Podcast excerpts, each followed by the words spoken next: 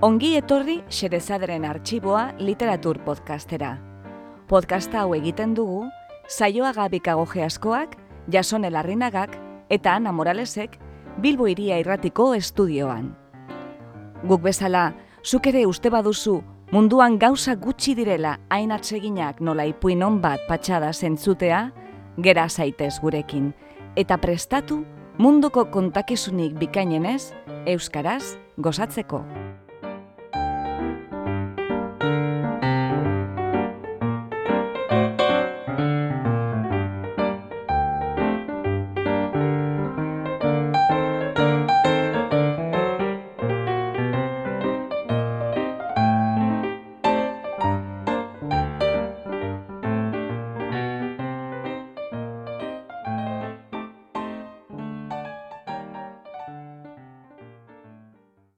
Gaur, Xerezaderen arxiboan, emakumeen estatus intelektuala. Egilea, Virginia Woolf. Itzulpena, Ana Morales. Mila bederatzereun da hogeiko udazkenean, Arnold Bennett novelagile Britaniar arrakastatzuak artikulu bilduma bat argitaratu zuen honako izen honekin.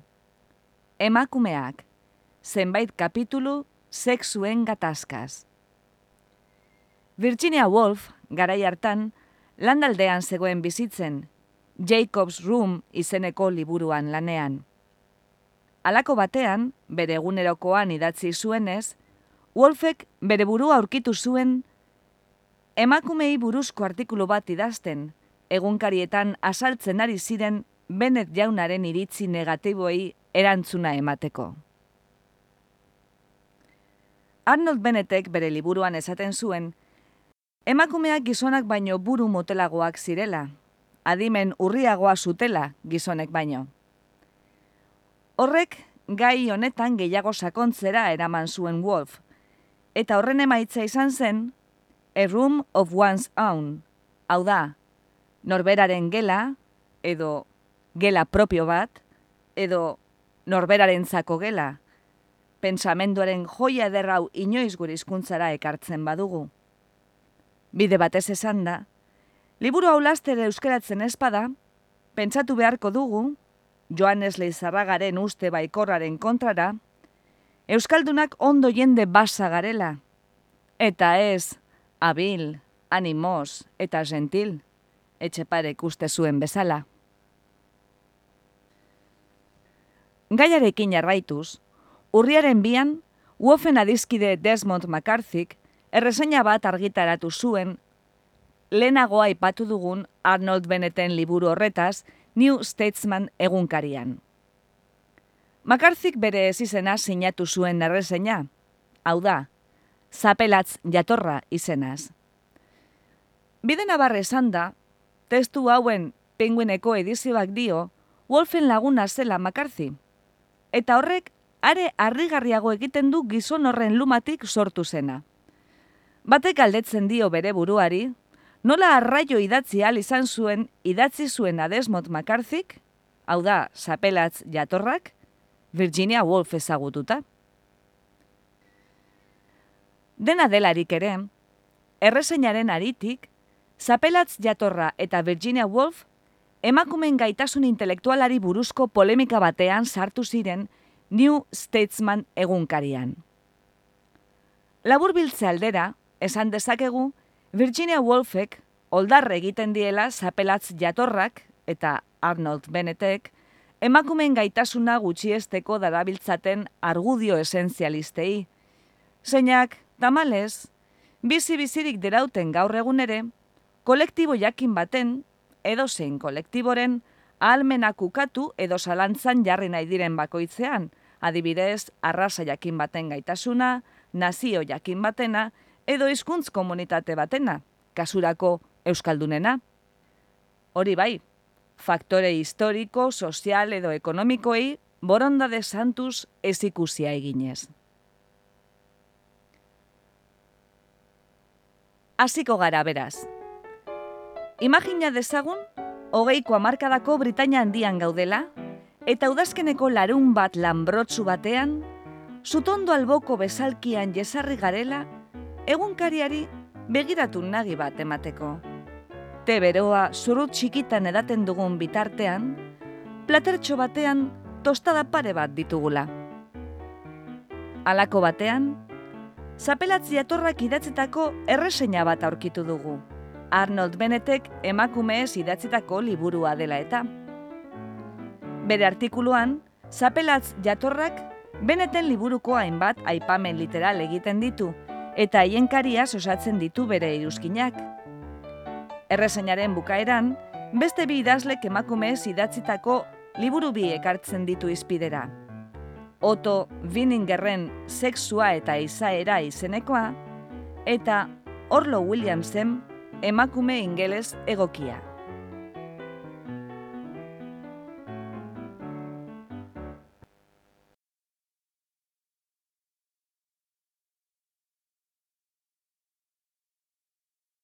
Dio zapelatz jatorrak.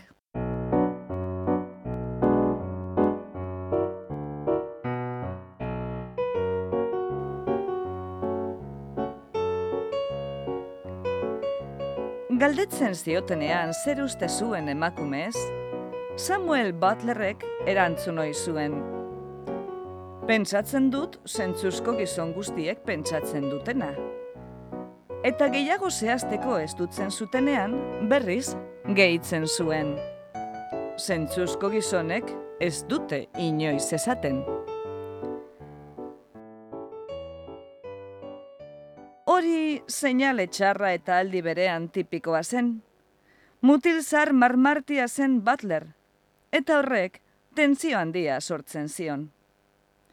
Arnold Bennett jaunak emakumei buruzko liburu bat idatzi du. Ez nire emakumei buruzkoa ohartuko zaretenez, gai honetaz idatzitako liburu gehienei legokiekeen izenburua. Izan ere, Alako liburuek sarritan aldarrikatzen badute ere, beak eta desinteresatuaren emaitza direla, eta emakume guztiei buruzkoak direla oroar, normalean egileak ezagutzen dituen tipo jakin batzuei buruzko harrak baino ez dituzte biltzen. Badirudi, eutsi ezinezko joera dagoela gai honetaz generalizatzeko. Badirudi, zaila dela emakume bi edo iruri buruzko zerbait esatea, segituan emakume guztiei buruzko baiestapena bihurtu barik. Aitortzen dut, nik neuk egin izan dudala hori, eta gauza asko esan ditu dala, momentuan oso zuhurrak eta zorrotzak iruditu zitzaizkidanak, baina zientifikoak ez zirenak. Halako aforismo bat gogoratzen dut, zeren nik uste, benet jauna bat etorriko litzatekeela lehen erdiarekin. Berak, bai aipatzen baitu, Lady Mary Montaiuren komentario ura. Nire bidaia guztietan, bilen demota baino ez ditut aurkitu. Eta hoiek ere, oso antzekoak. Gizonak eta emakumeak. Neure aforismoa onako hau zen. Gizonak eta emakumeak antzekoagoak dira eurek uste baino, baina ez lukete elkarrekin jokatu behar hori alabalitz bezala. Benet jaunaren liburua, emakumei buruzko liburu gehienak ez bezala, ez da maitasunari buruzko saiakera bat. Ekonomiari buruzko liburua da. Bere jardunaren gain nagusia da, faktore ekonomikoak nola eragiten dien emakumeen ezaugarriei eta gizon eta emakumeen arteko harremanei. Zentzuzko liburua da, eta lehenengo begiratuan zentzuzkoak eta zintzoak iruditzen zaizkigun liburu asko bezala, asalekoa. Irakurgarria da, baina ez da inolaz ere bikaina. Hautzak arrotu ditu, eta bitxia da nahiko modu zalantzatian. Eta nik esango nuke, hauts horiek nahikoa denbora zeramatela arrotuta jendearen buruan, orain barkezke hasi behar izateko. Baina, bene jauna behar bada uskur da hautsok arrotzeko, feminista porrokatua delako. Zaila egiten zaio esatea, baina la ere esan egiten du, emakumeek gizonek baino adimen urriagoa dutela, batez ere sormena deitu oizaion horri dagokionez.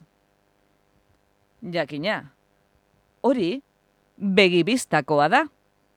Eta benen jaunak onartzen du, kakotxak, munduko eskuntza eta askatasun guztiak ez duela hori modu nabarmenean aldatuko, itxi kakotxak. Eta gehitzen du benetek, kakotxak. Munduko literaturak erakus ditzake gutxienez edo zein emakume poeta baino handiagoak diren berroita mar gizonezko poeta. Itxikakotxak. Hala da, diot nik neuk, non eta ez duzun uste Samuel Butlerrek bezala Odisea emakume batek idatzi zuela. Jarraitzen du Arnold Benetek. Kakotxak. Agian, Emily Bronti alde batera utzita, inongo emakume novelistak ez du sortu gizonen novela handien pareko novelarik. Itxikakotxak. Eta diot nik, orokorrean, hori ala da, baina aurrekoa baino zalantzazkoagoa. Eta benetek berriro, kakotxak. Inongo emakumek ez du sortu bigarren mailakoa baino hobea den pinturarik edo eskulturarik, edo bigarren mailakoa baino hobea den musikarik, itxikakotxak. Eta gehitzen dut nik. Egia, gogora dezagun munduko maixuranak direla benetek darabilen konparaziorako erreferentzia. Eta jarraitzen du benetek. Kakotxak. Eta inongo emakumerik ez da urbildu ere egin gailurrera, kritikagintzaren arloan, itxikakotxak. Egia, dinot Eta benetek berriz ere, kakotxak. Aipalezake inok emakume filosofo famaturik? Edo lehen mailako aurkikuntza zientifikorik egin duen emakumerik? Edo inolako lege orokorrik formulatzera heldu den emakumerik? Itxikako txak. Eta nik erantzuten dut. Ez, gogoratu berriro zein den konparaziorako darabilen referentzia munduko maixulanak. Ezin dut imaginatu, datuak modu inpartzialean aztertuta, inor bestelako ondorioetara heldaitekeenik. Egia da, emakumeen portzentaje txiki bat gizon argiak bezain argiak direla, baina oroar adimendua gizonen berezitasuna da. Emakume batzuek talentua dute zalantza barik, baina neurri txikiagoan Shakespearek, Newtonek, Michelangelok, Beethovenek edo Tolstoik baino. Era berean, emakumeen batez besteko burualmenak ere askoz txikiagoa ematen du. Gizon argi baina ez bereziki argiaren adimendua emakume bati pasatuko bagenio, emakume bereziki argi bat lortuko genuke. Eta esango nuke gauza bera gertatuko litzatekeela kudeak eta ahalmen orokorrarekin. Emakumezko Ford bat munduko mirari bat izango litzateke. Beraz, zer?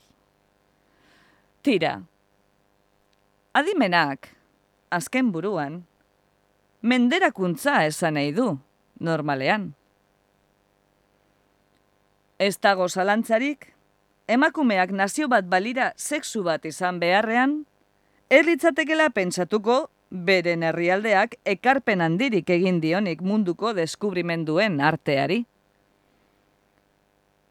Oso ondorio deprimentea da hori emakumeentzat? Ez dut ikusten zer gaitik.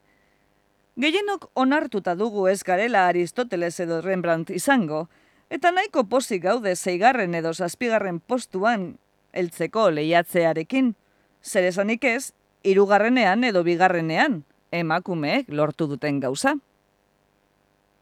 Liburuko eunda bosgarren horrian, bada, arreta merezi duen pasarte bat. Dio Benet jaunak kakotxak. Eta esango dut, ez bakarrik urte hain aurreratu honetan emakumeek sexu bezala maite egiten dutela menderatuak izatea. Gehiago esango dut.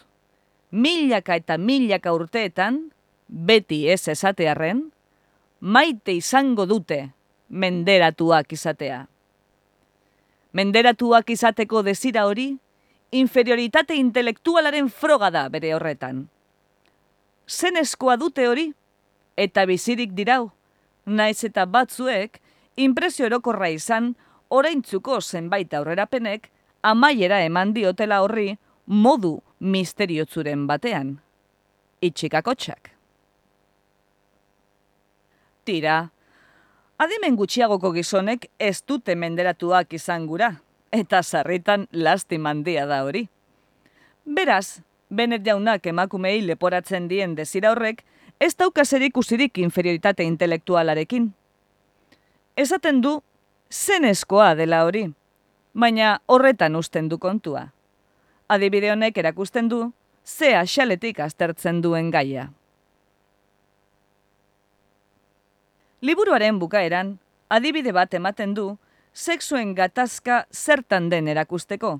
Hau da, gizonen eta emakumeen artean sortzen diren txartu adituen adibide bat. Lora zainari eta krisante moi buruzko eztabaida bat da. Jakek eta Gilek liskarra dute txikikeria horretaz, eta ikamikak dirauen bitartean oso iritzi txarra dute elkarren gainean.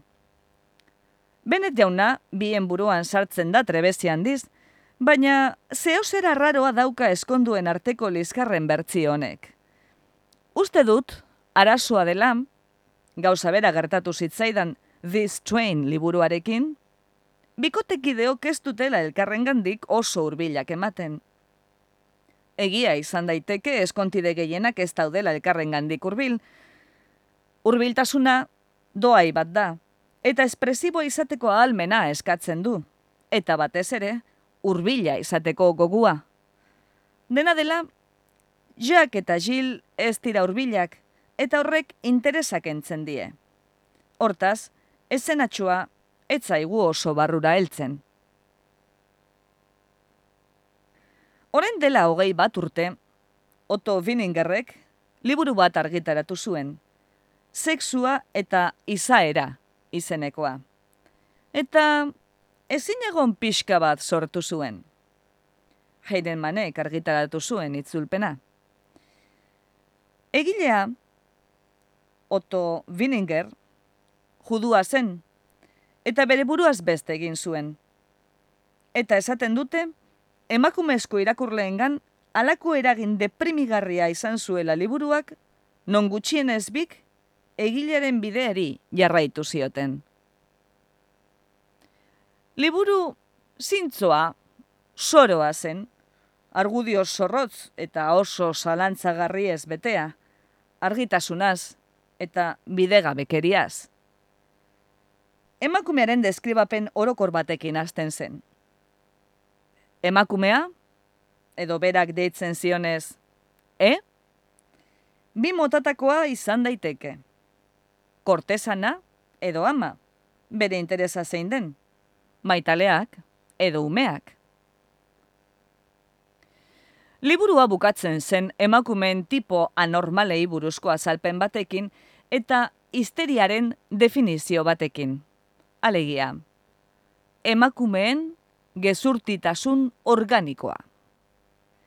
Gizaki guztien gan, bi elementuak, elementua, hau da emakumearena, eta ge elementua, hau da gizonarena, nahaztuta daudela zioen, bien ezaugarri fisiologikoak ere sexu bietan azaltzen diren modu berean.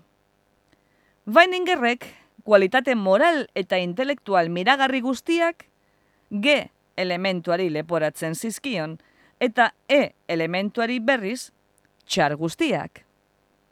Emakumeak, hortaz, oso toki txarrean geratzen ziren, beraien gan, hipotetikoki, egeiago baitzegoen, gizon gehien gehienetan baino. Orain gutxi, emakumei buruzko beste liburu bat argitaratu da. Emakume ingeles egokia, Orlo Williamsena. Saiakera harin eta txukunki idatzien bilduma da, atsegina eta goxua. Egileak emakume ingelesetara mugatu du gaia, eta liburua gehiago da moduei eta ohitura sozialei buruzkoa, sexuari buruzkoa baino. Lausengutik asko dauka, baina egia esan gurasokeria da gehiago. Benet jaunak ez du gurasokeriarik erakusten. Zapelatz jatorra.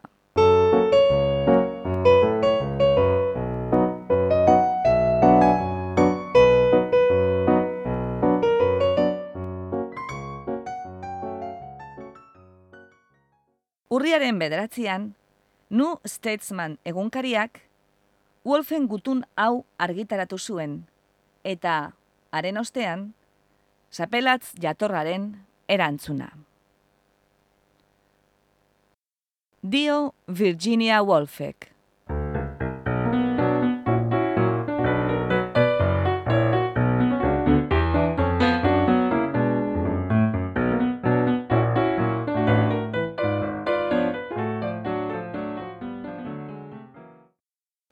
Statesman egunkariko zuzendariari. Jauna. Arnold Bennett jaunaren eta Orlo Williams jaunaren liburuak takada batez irakurriko banitu, ni ere, emakume gehienak bezala, enintzateke gai izango aurre egiteko, lengoak egotzitako erruen eta bigarrenaren laudorioek sortutako depresioari eta autoestimuaren galerari alderantziz espada. Liburuok tragu txikitan dastatzen ditut beraz, errezeina egileen eskutik.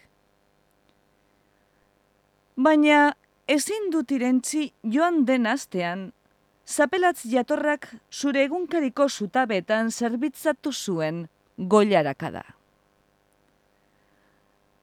Dio berak, begibiztakoa dela, emakumeak adimenean gizonak baino gutxiago direla.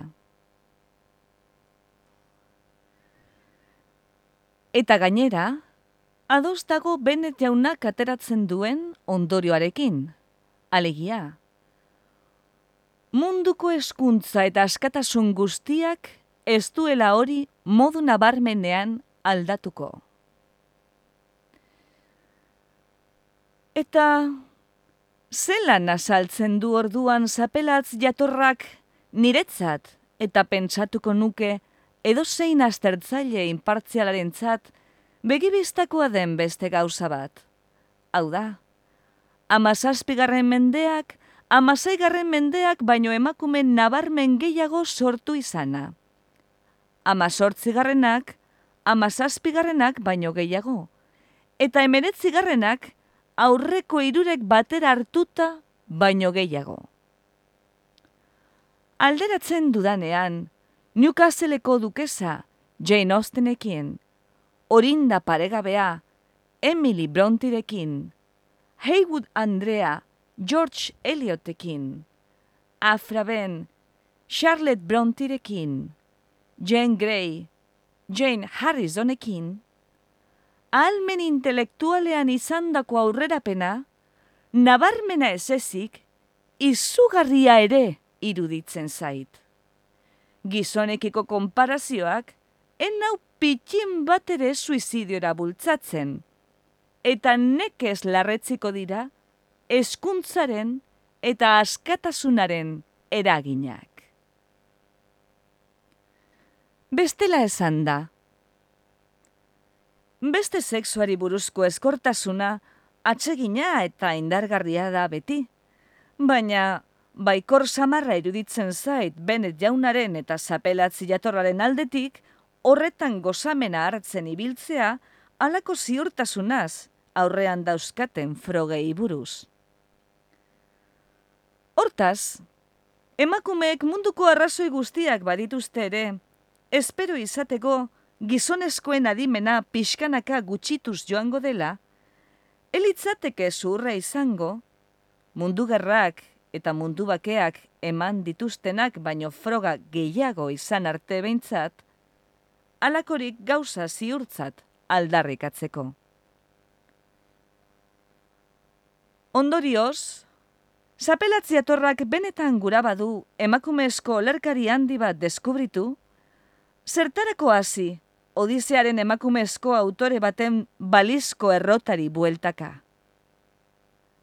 Jakina, ezin dute zangrekoz benet jaunak eta zapelatziatorrak bezain ondo dakidanik, baina askotan esan didate, Safo emakume bat izan zela, eta Platonek eta Aristotelesek Homeroren eta Arkilokoren parean jartzen zutela, beren poetarik handienen artean.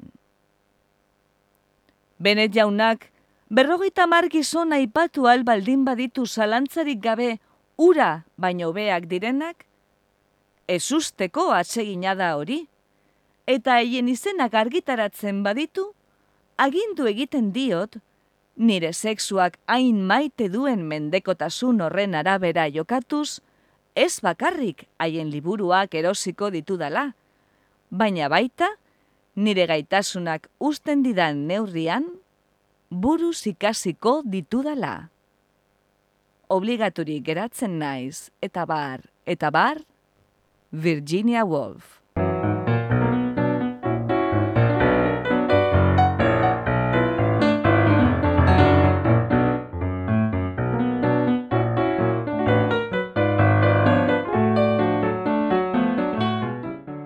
Zapelatz jatorrak dio.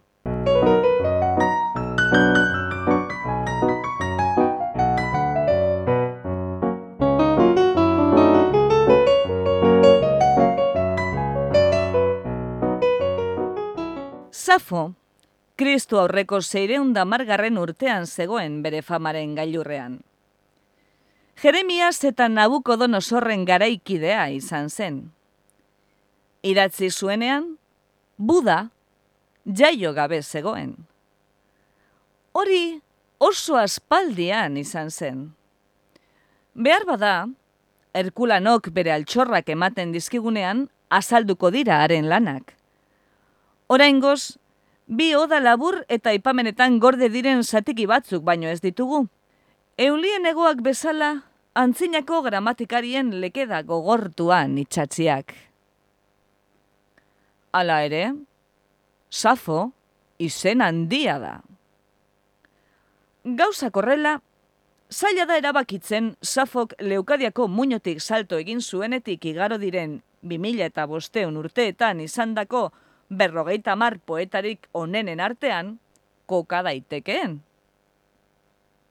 Behar bada, dialektoan idatzi zuten beste poeta batzuk, adibidez Barnes, Zorioneko aipamenetan iritsi balitza eskigu, eta inbeste aldiz zuertatu balira poesiarako gaia nola safo, zeina suste baitzen jaustean zizne bihurtu zela, ba beste poeta horien ospea ere, arena bezain handia izan zitekeen.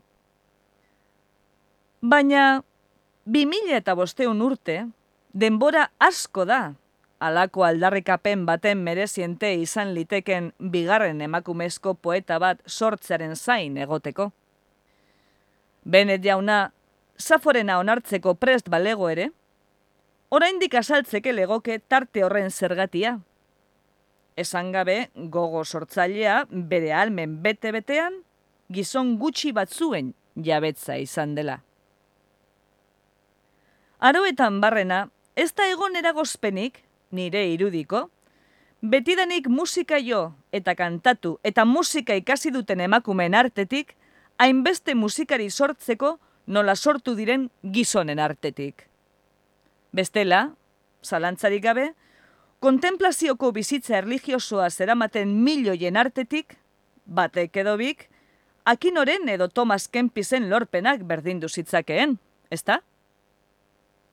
Eta geroago, pintura beren eskueran zegoenean, zein izen handi erakutsi dute emakumeek. Emeretzi garren mendean egon izan balitz emakume bat milen adimenarekin, ez zuten zuen indarre egingo eta bere burua aurre aurrean agertuko, Harriet Martinok egin zuen bezala? Mile ikuste zuen, Taylor Andrea, bera baino hobea zela guztian, baina gizonaren lagunak ez zeuden ados berarekin. Newton baserritar txiki baten semea zen. Herschel, banda aleman bateko kidea. Faraday, errementari baten semea. Laplace, nekazari txiro baten semea. Ezek en nau konmentzituko, haien garaikiden artean emakume bat egon balitz, haiek baino egoera favoragarriagoan, zenezko pasio eta adimen gaitasun berberaren jabe, haien lan berbera egin ezin zezakeenik.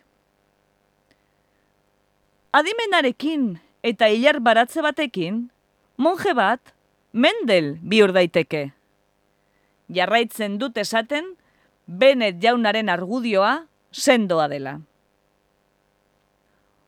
Wolf Andreak galdetzen du zelan asaltzen dudan, amazazpigarren mendeak, amaseigarrenak baino emakume nabarmen gehiago eman izana, amazortzigarrenak, amazazpigarrenak baino gehiago, eta emeretzigarrenak, aurreko irurek batera baino gehiago, eskuntza espaldin bada arrazoia, eta beraz, aldi berean, emakumeen lorpenen txikitasunaren azalpena.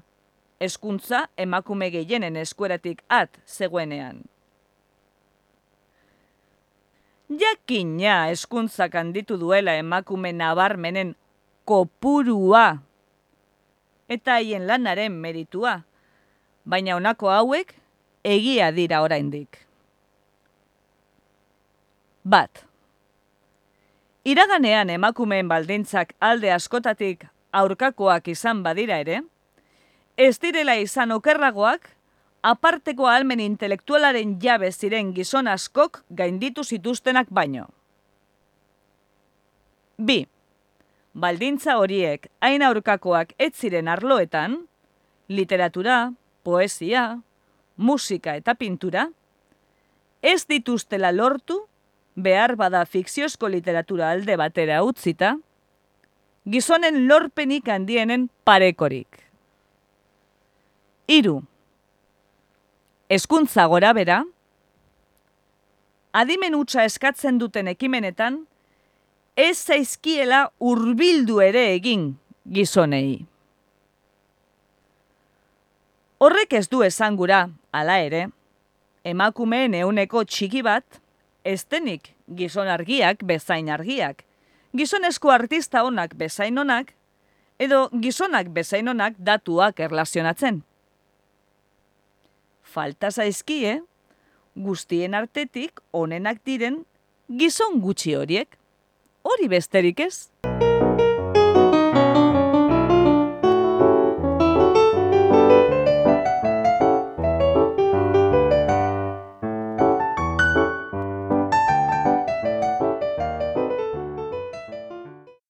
Urriaren amaseian, zapelatzea torraren azken horri, Wolfek emandako erantzuna argitaratu zen New Statesman egunkarian. Dio Virginia Woolfek.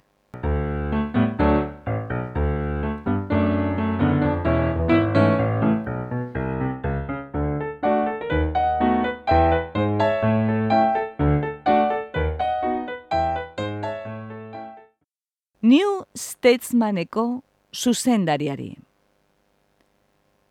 Jauna, Zaforekin azteko.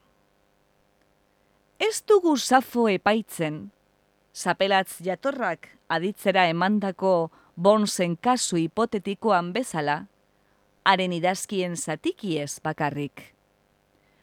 Gure epaia osatzen dugu Zaforen lanak osorik ezagutu zituztenen iritziekin. Egia da, orain dela 2005 urte jaiozela. Zapelatzi atorraren arabera, haren talentuko beste emakume poetarik azaldu ez izanak Kristo aurreko zeireungarren urtetik amazortzigarren mendera bitartean, frogatzen du tarte horretan, etzela egon talentuko emakumerik hortik ondorioztatzen da, Tarte horretan meritu moderatuko emakumezko poetarik ez egon izanak, frogatzen duela etzela egon emakumezko idazle mediokrerik ere. Etzen zaforik egon, baina amazazpi edo amazortzigarren mender arte, etzen egon ez Marik Orelirik, ez Barclay Andredik.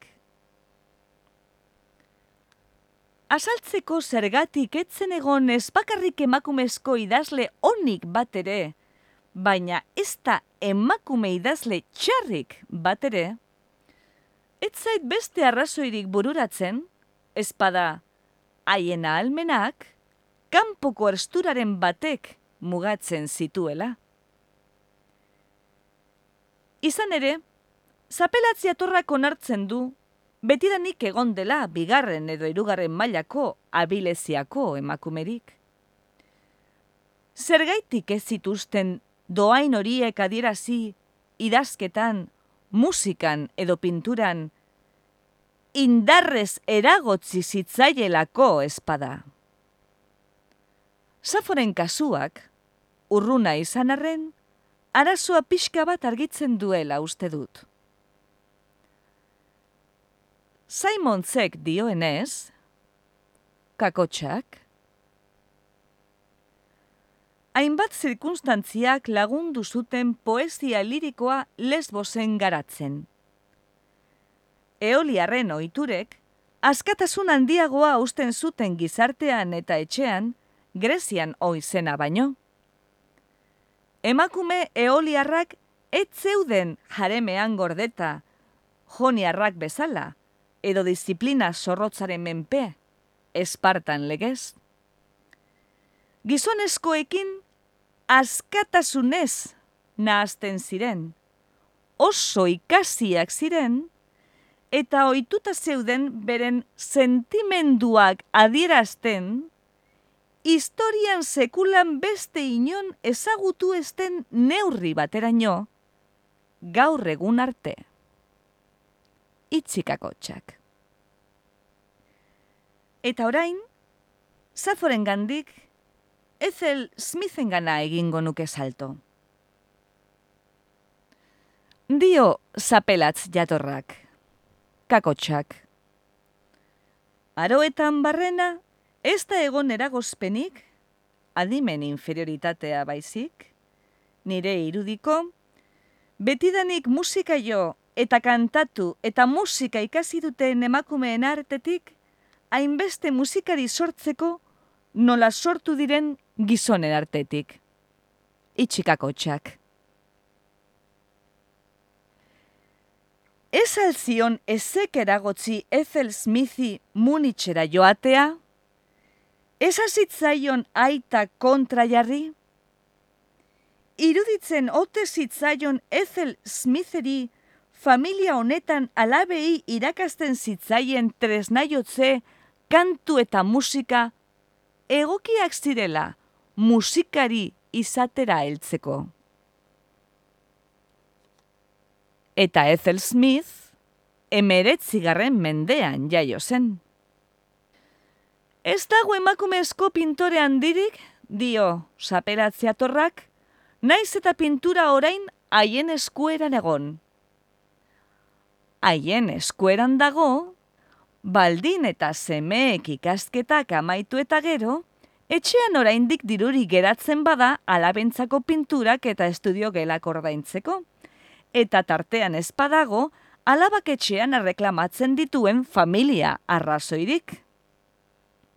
Bestela, emakumeek buruz bera jauz egin behar dute, eta ez ikusia egin nire ustez pentsalitekeen beste edozein tortura, baina askoz mingarriagoa den tortura mota bati. Eta hau, hogei garren mendea da. Baina, argudiatzen du zapelatz jatorrak, mailandiko gogo sortzaileak, gainditu egingo lituzke onelako eragozpenak. Erakutsiko lidake historiako genio handien artean bakar bat, eskuntza ukatu zaion eta zapalduta bizi izan den jendarte batetik sortu dena, adibidez, Irlandarren edo juduen artetik. Eztabaida ezina iruditzen zait, Shakespeare bat izatea posiblea izan zela, ark artearen arloan aurrekariak euki zituelako. Arteaz askatasunez eztabaidatu eta artea landu izan duen talde bateko kide izan zelako. Eta berak ere, askatasun handiena eukizuelako, bere gisa jarduteko eta bizipenak izateko behar bada, lesbosen baldintza hoiek bete egiten ziren emakumeentzat. Baina ez ordea handikona.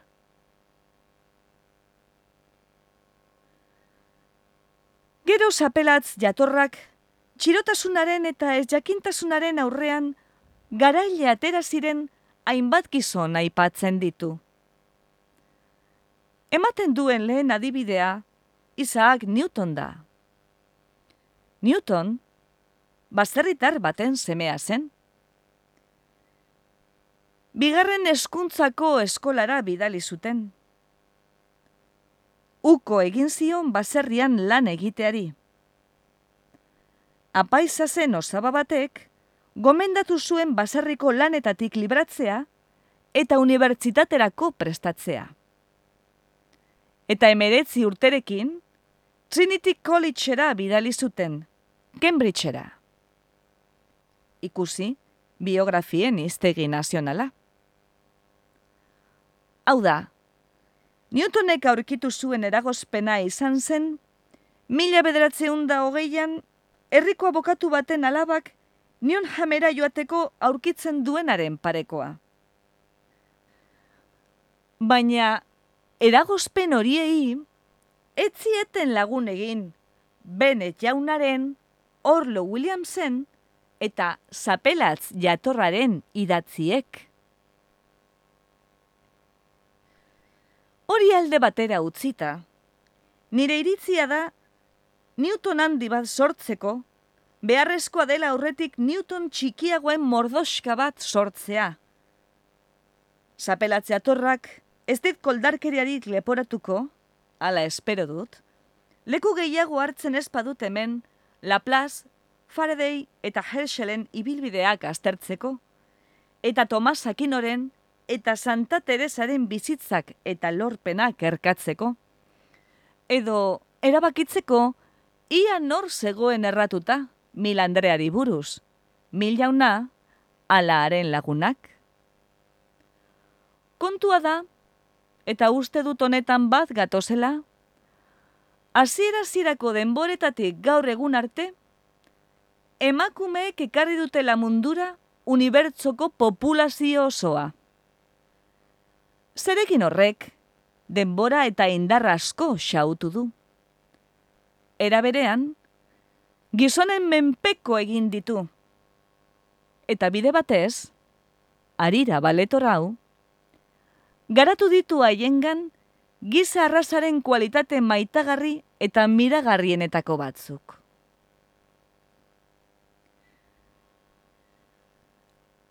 Zapelatz jatorrarekin daukadan desadostasuna, ez da ukatu egiten duela gaur egungo gizonen eta emakumeen arteko adimen berdintasuna.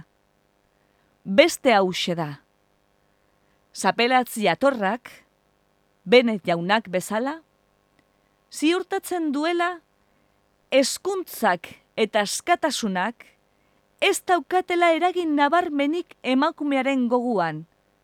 Eskai dela emakumea lorpenik handienak eskuratzeko eta betiko geratu behar dela gaur egun dagoen moduan. Berriz esan behar dut, emakume kobera egin izanak, zeina badirudi, zapelatzea torrak orain onartzen duela, erakusten duela oraindik ere obera egin lezaketela. Espaitut ikusten arrazoirik haien hobekuntzari mugarik jartzeko emeretzigarren mendean, mila eta bederatzireunean baino. Baina eskuntza ez da behar den bakarra. Emakumeek, esperientziak izateko askatasuna izan beharko lukete. Modua izan beharko lukete, beldur barik gizonekin ados ez egoteko, eta beren desadostasunak argi adierazteko. Espainago ados, zapelatzea torrarekin, emakumeak eta gizonak berdinak direla. Emakumein jardun intelektual oro bultzatu beharko litzateke. Beti egon dadin emakumeen multzo bat, gizonek bezain libre pentsatu, asmatu, irudikatu eta sortu egiten dutenak. Eta hori, gizonek bezain beldur gutxirekin inok barregarri utz ditzan eta gurasukeria trata ditzan. Baldintza horiek garrantzi handikoak dira nire iritziz, eta zapelatzia torrarenak eta benet jaunarenak bezalako adirazpenek ostopatu egiten dituzte. Gizon batek oraindik ere asko zerrestasun handiakoak dituelako emakume batek baino, bere iritziak plazaratzeko eta iritziok errespetatuak izateko. Jakina, ez daukat zalantzarik, etorkizunean haienak bezalako jarrerak nagusitzen badira, barbarie erdizibilizatuko egoera batean jarraituko dugula. Nik behintzat, horrela definitzen dut alde batetik zapalkuntzaren eta bestetik morroitasunaren eternitate bat. Izan ere, esklabu izatearen degradazioaren pareko gauza bakarra, esklabu jabea izatearen degradazioa da. Obligaturik geratzen naiz, eta bar, eta bar, Virginia Woolf.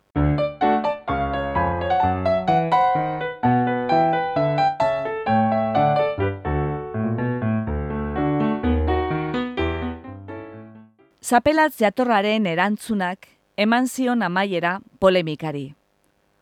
Oso laburra da. Dio zapelatz jatorrak.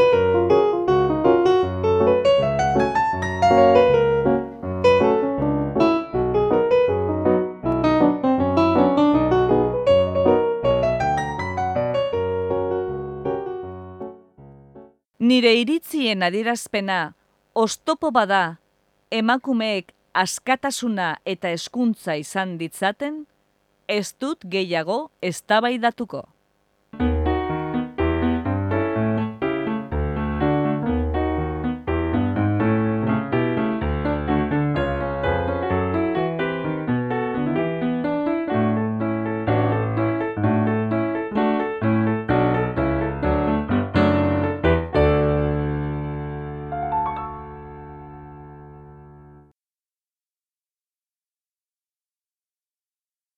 Entzun duzu emakumeen estatus intelektuala.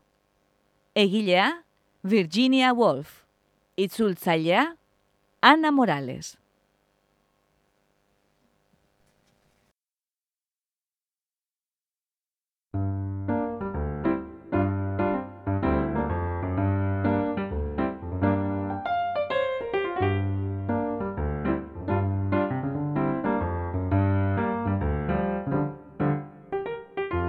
Xerezaderen artxiboko beste atal bat entzun duzu. Gure doinoa da, Charleston Behind the Attic Door, Dance of the Wind taldearena. Efektuak freesoundetik hartuak dira. Iru ubebikoitz, puntua, freesound, puntua, org. Podcast hau egiten dugu, saioa gabikago geaskoak, jasone larrinagak eta Ana Moralesek Bilbo iria irratiko estudioan. Mila esker gurera hurbiltzeagatik. Gustura egon bazara, etorri urrengo batean berriz ere, xedezaderen arxiboa literatur podcastera. Laster arte!